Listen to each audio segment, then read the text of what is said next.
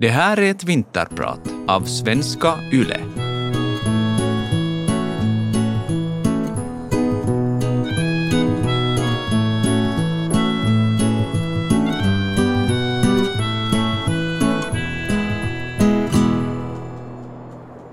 Jag ligger i fosterställning på golvet i tamburen och gråter hjärtskärande. Barnen har åkt iväg för att fira jul med sin pappa. Det är julaftons förmiddag och jag ska spela i kyrkan på eftermiddagen. Men nu finns det tid att gråta. Jag skriker ut all min ångest, högt, osensurerat, förtvivlat. Min smärta känns överallt i kroppen. Jag vill inte fira jul utan mina barn. Jag vill inte vara en varannan vecka mamma. Jag sviker dem. Mitt svek äter upp mig och min energi rinner av mig. Jag vet inte hur länge jag ligger på tambursgolvet. Men jag anar att det inte är sista gången. Och det är det inte heller. På den tiden var jag sångerskan som sadlat om och blivit kantor. Idag är jag kantorn som sadlat om och blivit präst. Prästen med det råddiga privatlivet har de kallat mig. Två skilsmässor, tre giftermål, fyra olika efternamn. Jag är född Holmgård. Första gången gift Alros, andra gången gift Brunell och idag tredje gången gift Svevar. Camilla Svevar heter jag. Och jag kommer att vinterprata om att falla och sen resa sig igen. Och igen och igen.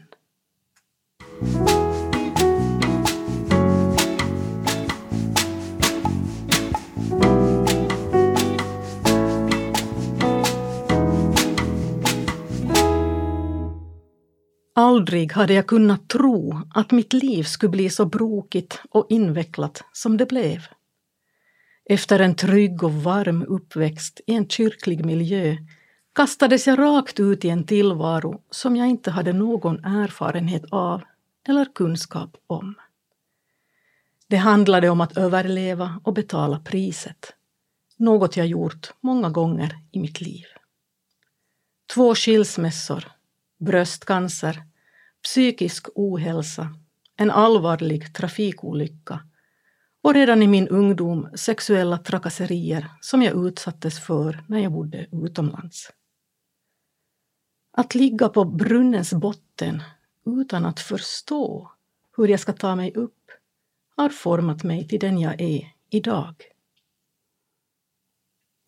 Gärna hade jag haft ett lättare liv, det sticker jag inte under stol med. Min drivkraft och mitt engagemang för det jag tror på har stundvis ställt till det för mig då andra kan känna sig provocerade och överkörda för att jag håller högt tempo och har ett glasklart mål i sikte.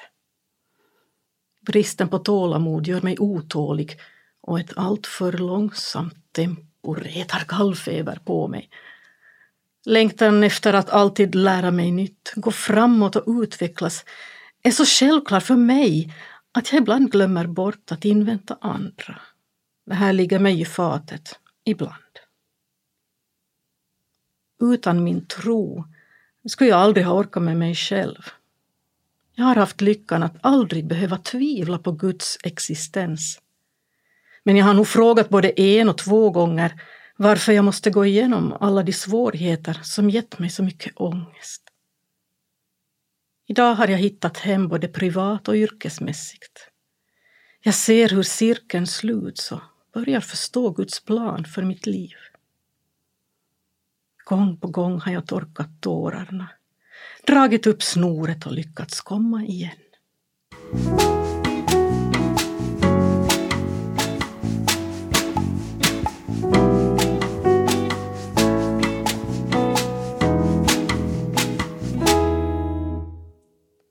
Låten vi hörde minns jag att spelades i Varhuset vid torget i Vasa en gång då jag som 14-åring åkte rulltrappa tillsammans med min första pojkvän som var ett par år äldre.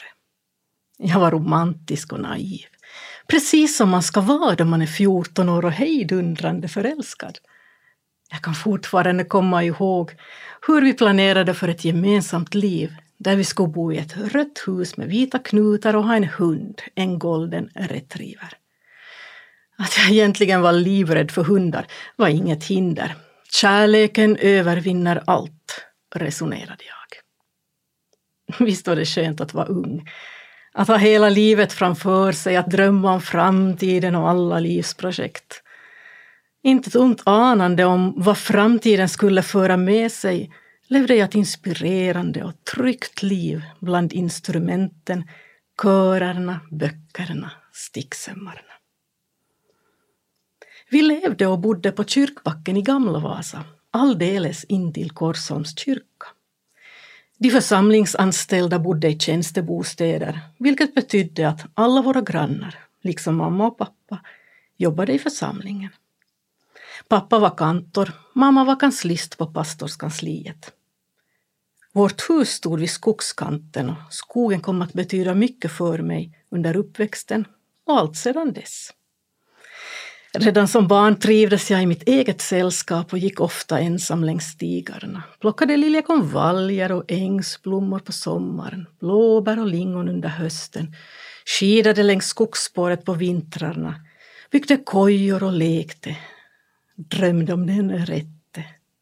Skogen andades frid. Orden betydde mycket för mig. Mamma tog mig med på sparkstöttingen till bokbussen jag och mamma läste, skrev, diktade, drömde oss bort. Min musikaliska uppväxt gjorde att jag fascinerades av ordens rytm. Jag lärde mig hur man pausar, driver på, vilar i orden.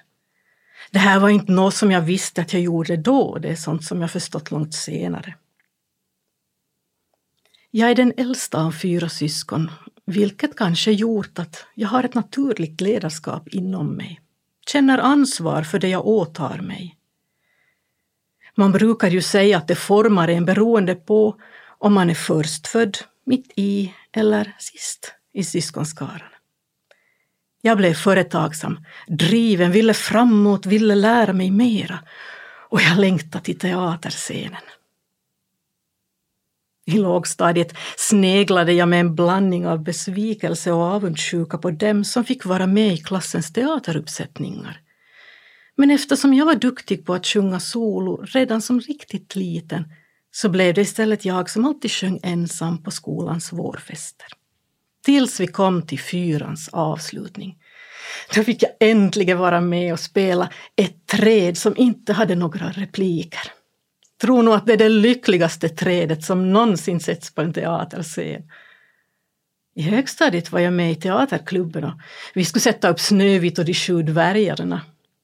Då flickan som blev vald att spela Snövit hörde att prinsen skulle väcka henne med en alldeles riktig puss hoppade hon av rollen. Gissa vem som såg sitt livs chans att avancera i sin teaterkarriär. Efter studenten for jag iväg till Tyskland. Som utbyteselev i ett tyskt gymnasium lärde jag mig språket och den tyska kulturen. Det var en frigörande, snudd på rebellisk tid för mig och jag växte som människa. Min finländska identitet stärktes och jag var stolt över mitt ursprung. Men hela min tillvaro förvandlades till en mardröm då jag blev sexuellt ofredad av min tyska så kallade gästpappa. Fortfarande kan jag känna hur han höll fast mig och försökte föra sin tunga in i min mun medan jag pressade ihop läpparna allt vad jag kunde. Jag var 19 år, han var 62 och min gästmamma bad mig att låta honom hållas. Det skulle vara bäst så för oss alla, sa hon. I min blåögdhet och skam lydde jag henne och gjorde som vi kvinnor antagligen gjort i alla tider. Jag skyddade den skyldige. Jag borde ju ha tagit första bästa plan hem. Det inser jag nu som vuxen. Jag hade verkligen inte behövt skämmas. Med allt som kommit fram genom metoo-kampanjen vet vi att ingen ska behöva ställa upp på sexuellt ofredande. Men jag hade tjatat mig till utbytesåret och ordnat allt själv. Jag ville inte ge upp, jag betalade hellre priset. Vad jag inte förstod då var att jag skadade mig själv för lång tid framöver. Jag skuldbelade mig och byggde därmed upp ett snedvridet och destruktivt förhållningssätt i mina relationer till män. Under mitt år i Tyskland gjorde vi en skidresa till Schweiz påsken 1987. Solen sken på långfredagen och snön lyste gnistrande vit i Alperna. Jag kände mig alldeles svart och tom på insidan. Jag var märkt av mina upplevelser och av att ständigt vara på min vakt. Jag längtade hem och såg framför mig Lindallén som skulle föra mig till tryggheten vid Korsholms kyrka, till kammarorkestern där jag många gånger tidigare spelat med bland violinisterna. Fortfarande tåras mina ögon då jag hör inledningskören ur Bachs Matteuspassion. Här finns hela min uppväxt med pappa som dirigent, mamma i kören och mina syskon och jag i orkestern. Som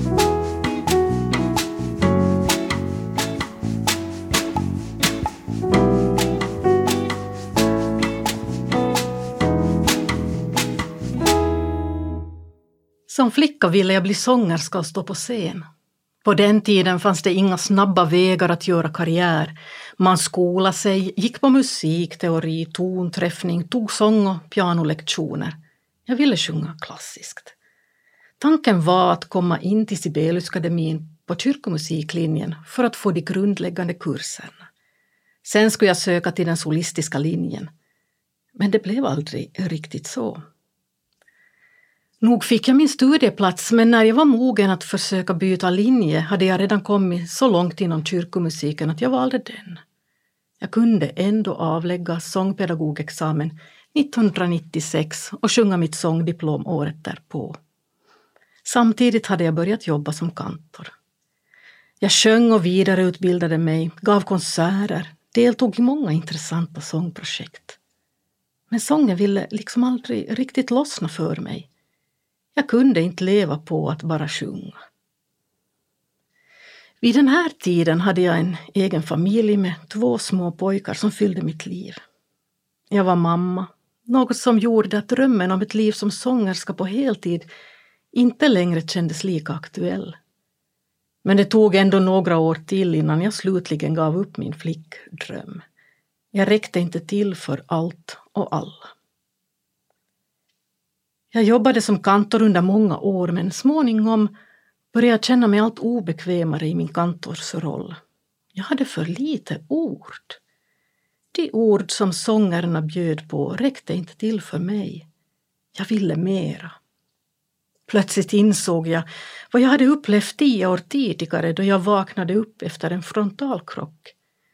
Omtöcknad i bilen förde jag en dialog med Gud där jag frågade varför jag fått en andra chans. Gud tyckte svara att han hade en uppgift åt mig men att jag behövde förbereda mig för den.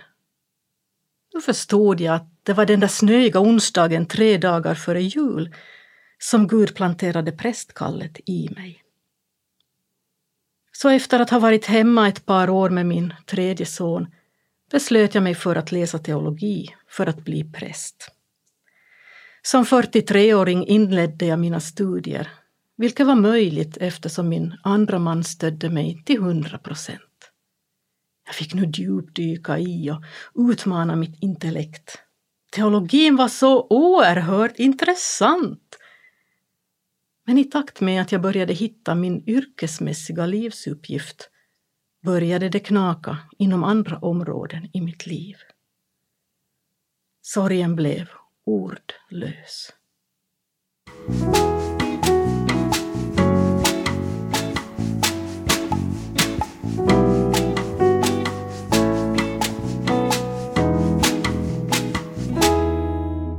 Ögonblicket har för alltid etsat sig fast på min näthinna.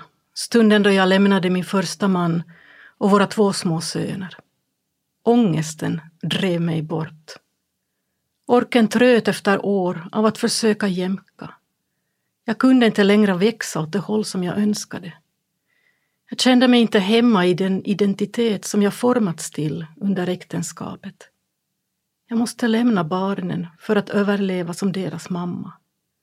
Jag skulle inte ha något att ge dem om jag inte hittade mitt borttappade jag. Jag stängde dörren bakom mig.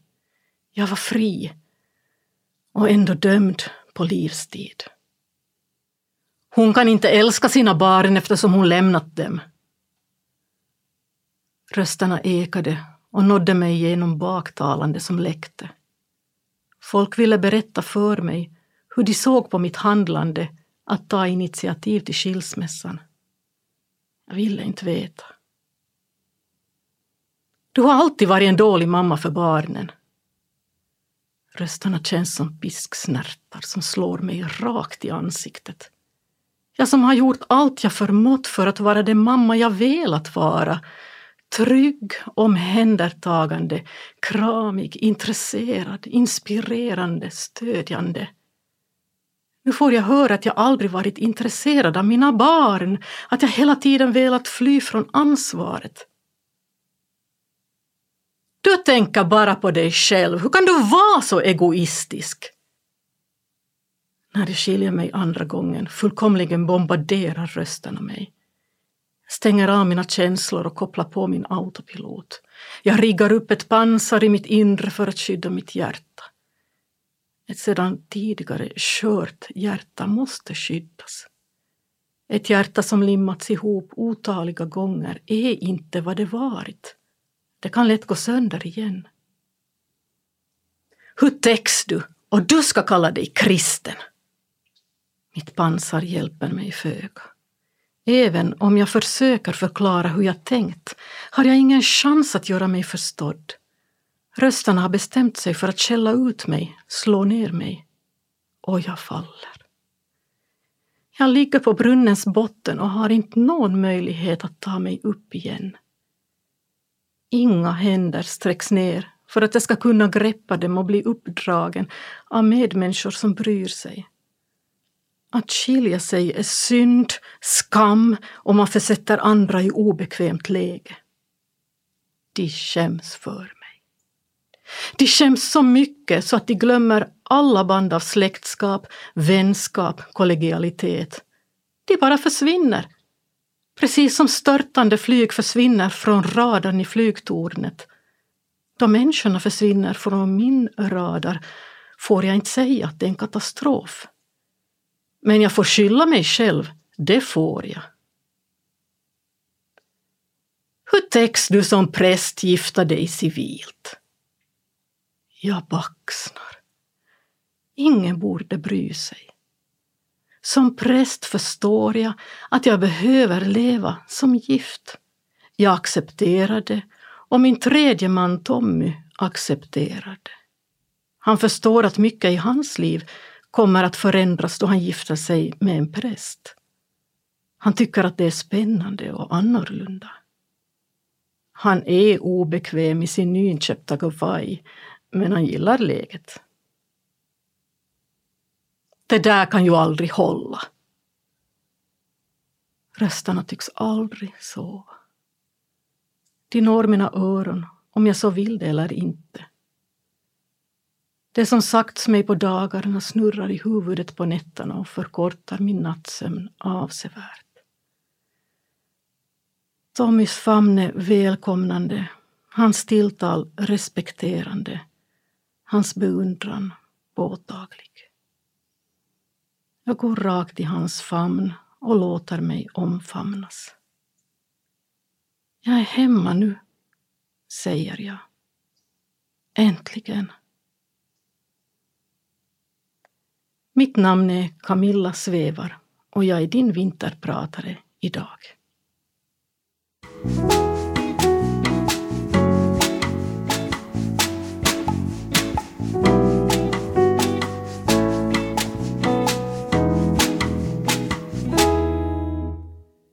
Han hade röda byxor och en blåstickad tröja med krage. Hans silvriga mustasch såg ut som om den dansade då han pratade.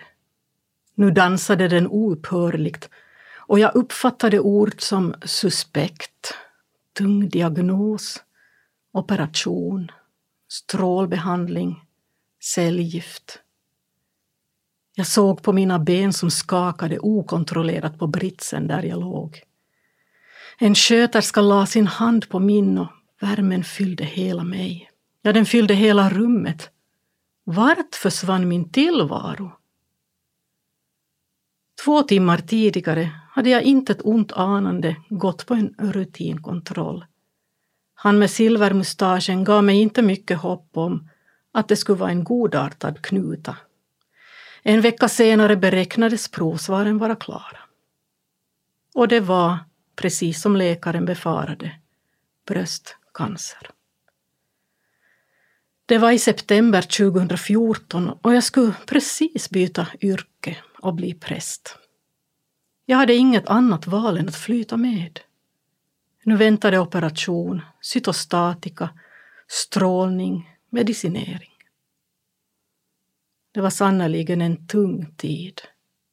Jag knäade och orkade ingen. Efter att cellgiftet förgiftat mig låg jag många långa dygn i sängen och försökte överleva tillsammans med den svarta tygkatten som min femåring hade lånat mig. Jag var biverkningarnas drottning och undrade hur mycket ett hjärta helt enkelt kan klara av innan det stannar. Med rollatorns hjälp kunde jag gå några tiotals meter. Verken åt upp mig inifrån. Jag fick dessutom symptom som liknade dem som dementa har. Jag kunde inte minnas hur man lagar mat, var strömbrytarna fanns. Jag började stava fel och glömma ord. Giftet ägde hela mig. Jag fortsatte ändå att skriva blogg under den här tiden. Ett inlägg om dagen var ett halmstrå som höll mig levande och som visade andra vad det kan vara att leva ett liv vid sidan av. För det gör man då man är dödssjuk. Jag skrev dikter och texter i honform. Kanske ville jag hålla mig själv på avstånd för att kunna vara betraktaren. Jag kände inte igen mig själv längre. Cancern hotade mitt liv, förändrade mig för all framtid. Alla dessa tankar i en kossa. Upp ur soffan kom hon på stela ben, gick hon de första stegen. Fängslad i en kropp som skavde. I spegeln såg hon kvinnan som numera överraskade henne varje gång. Vem är du?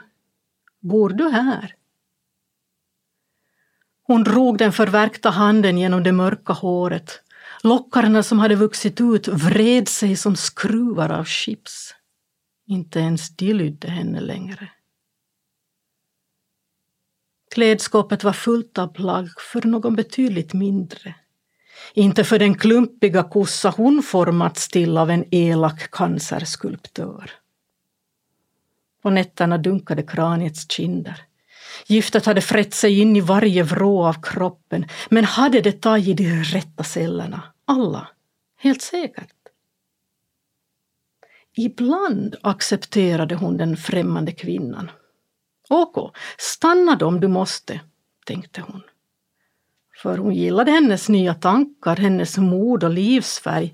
Sån hade hon velat vara då före, när spegelbilden visade en friskt blomstrande gestalt som orkade zumba. Som en sönderkramad kallestub var hon i stunden. Sältan var densamma, eller kanske ändå inte. Men vilka hade alternativen till liv varit? Giftet hade gett henne förlängt kontrakt för levnad. Take it or leave it. Cancerrösten viskade förföriskt utan punkt. Fortsättning följer. Jag äger dig, kvinna.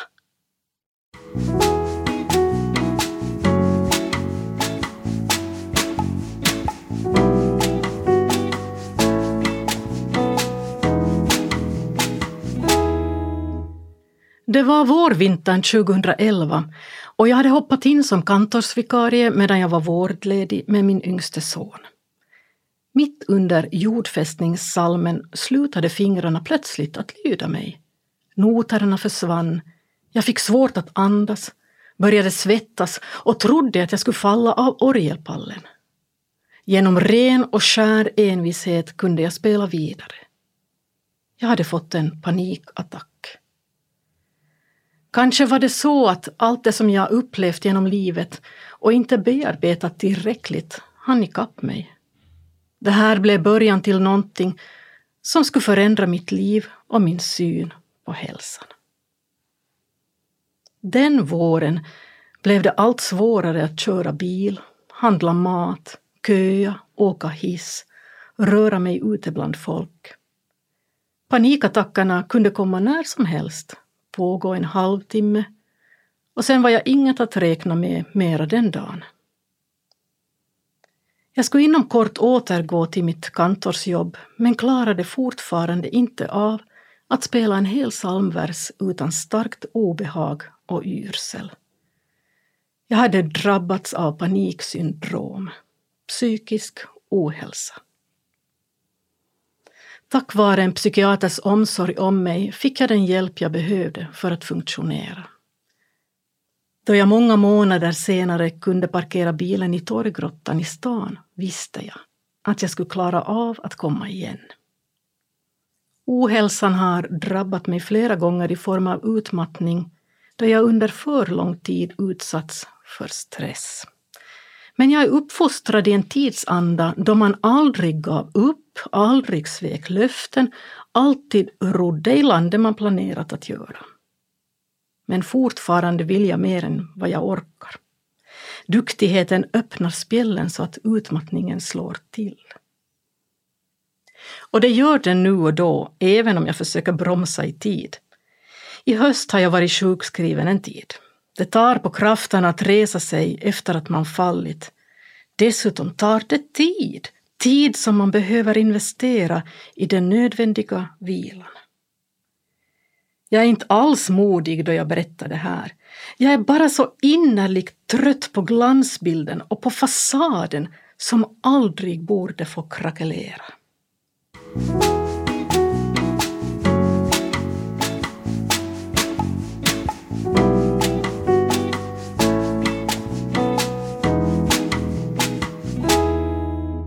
Jag vill ännu ta er med till den där septemberdagen år 2014 då jag fick mitt cancerbesked. Klockan var prick 15.06 när jag kom ut ur läkarens rum. Jag satte mig i väntrummet och grät hejdlöst. Därför missade jag telefonsamtalet som jag fick två minuter senare klockan 15.08. Man hade sökt mig från domkapitlet eftersom det nu äntligen var klart att jag kunde prästvigas. För att bli prästvigd behövs ett läkarintyg. Jag fick det eftersom läkaren ansåg att min cancer inte påverkar min lämplighet som präst. Det har läkaren ju helt rätt i. Å andra sidan är det också helt fel. För visst har cancern påverkat min lämplighet som präst. Jag har sådana erfarenheter av sjukdom, ångest, smärta, medicin och väntan som ett friskt liv aldrig hade gett mig. Jag kan inte säga att jag vet hur det känns för andra, men jag kan tänka, jag var också där, på mitt sätt. Jag delar din nöd och jag delar ditt hopp. Och just nu finns jag här, för dig. Man behöver verkligen inte ha upplevt allt mitt elände för att kunna dela någons nöd. Ibland räcker det med att sitta tysta tillsammans. I den gemensamma tystnaden finns de där händerna som sträcker sig emot den som ligger på brunnens botten. I mina tankar öppnar jag dörren till Korshamns kyrka, min barndomskyrka. Men den här gången går jag inte upp för de knarrande trapporna till orgelläktaren utan öppnar glasdörrarna.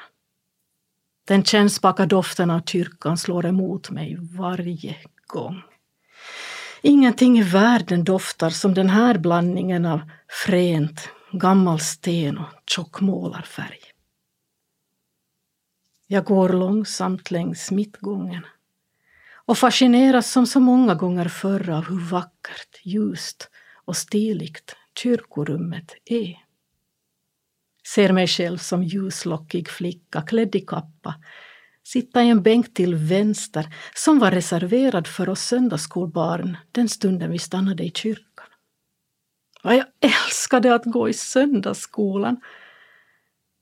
Jag sätter mig i bänken och minns hur hög den kändes när jag med psalmboken i hand sjöng med i alla psalmer fastän jag inte kunde läsa. Jag andades högtidligt in Guds närvaro. Inom mig hörde pappa spela på orgen, precis som då jag var barn och fick vara bladvändare åt honom. Kyrkan och barndomens trygghet i Gud har burit mig hela livet. Och jag är förvissad om att de kommer att bära mig hela vägen hem. Mitt namn är Camilla Svävar och idag har jag varit din vinterpratare.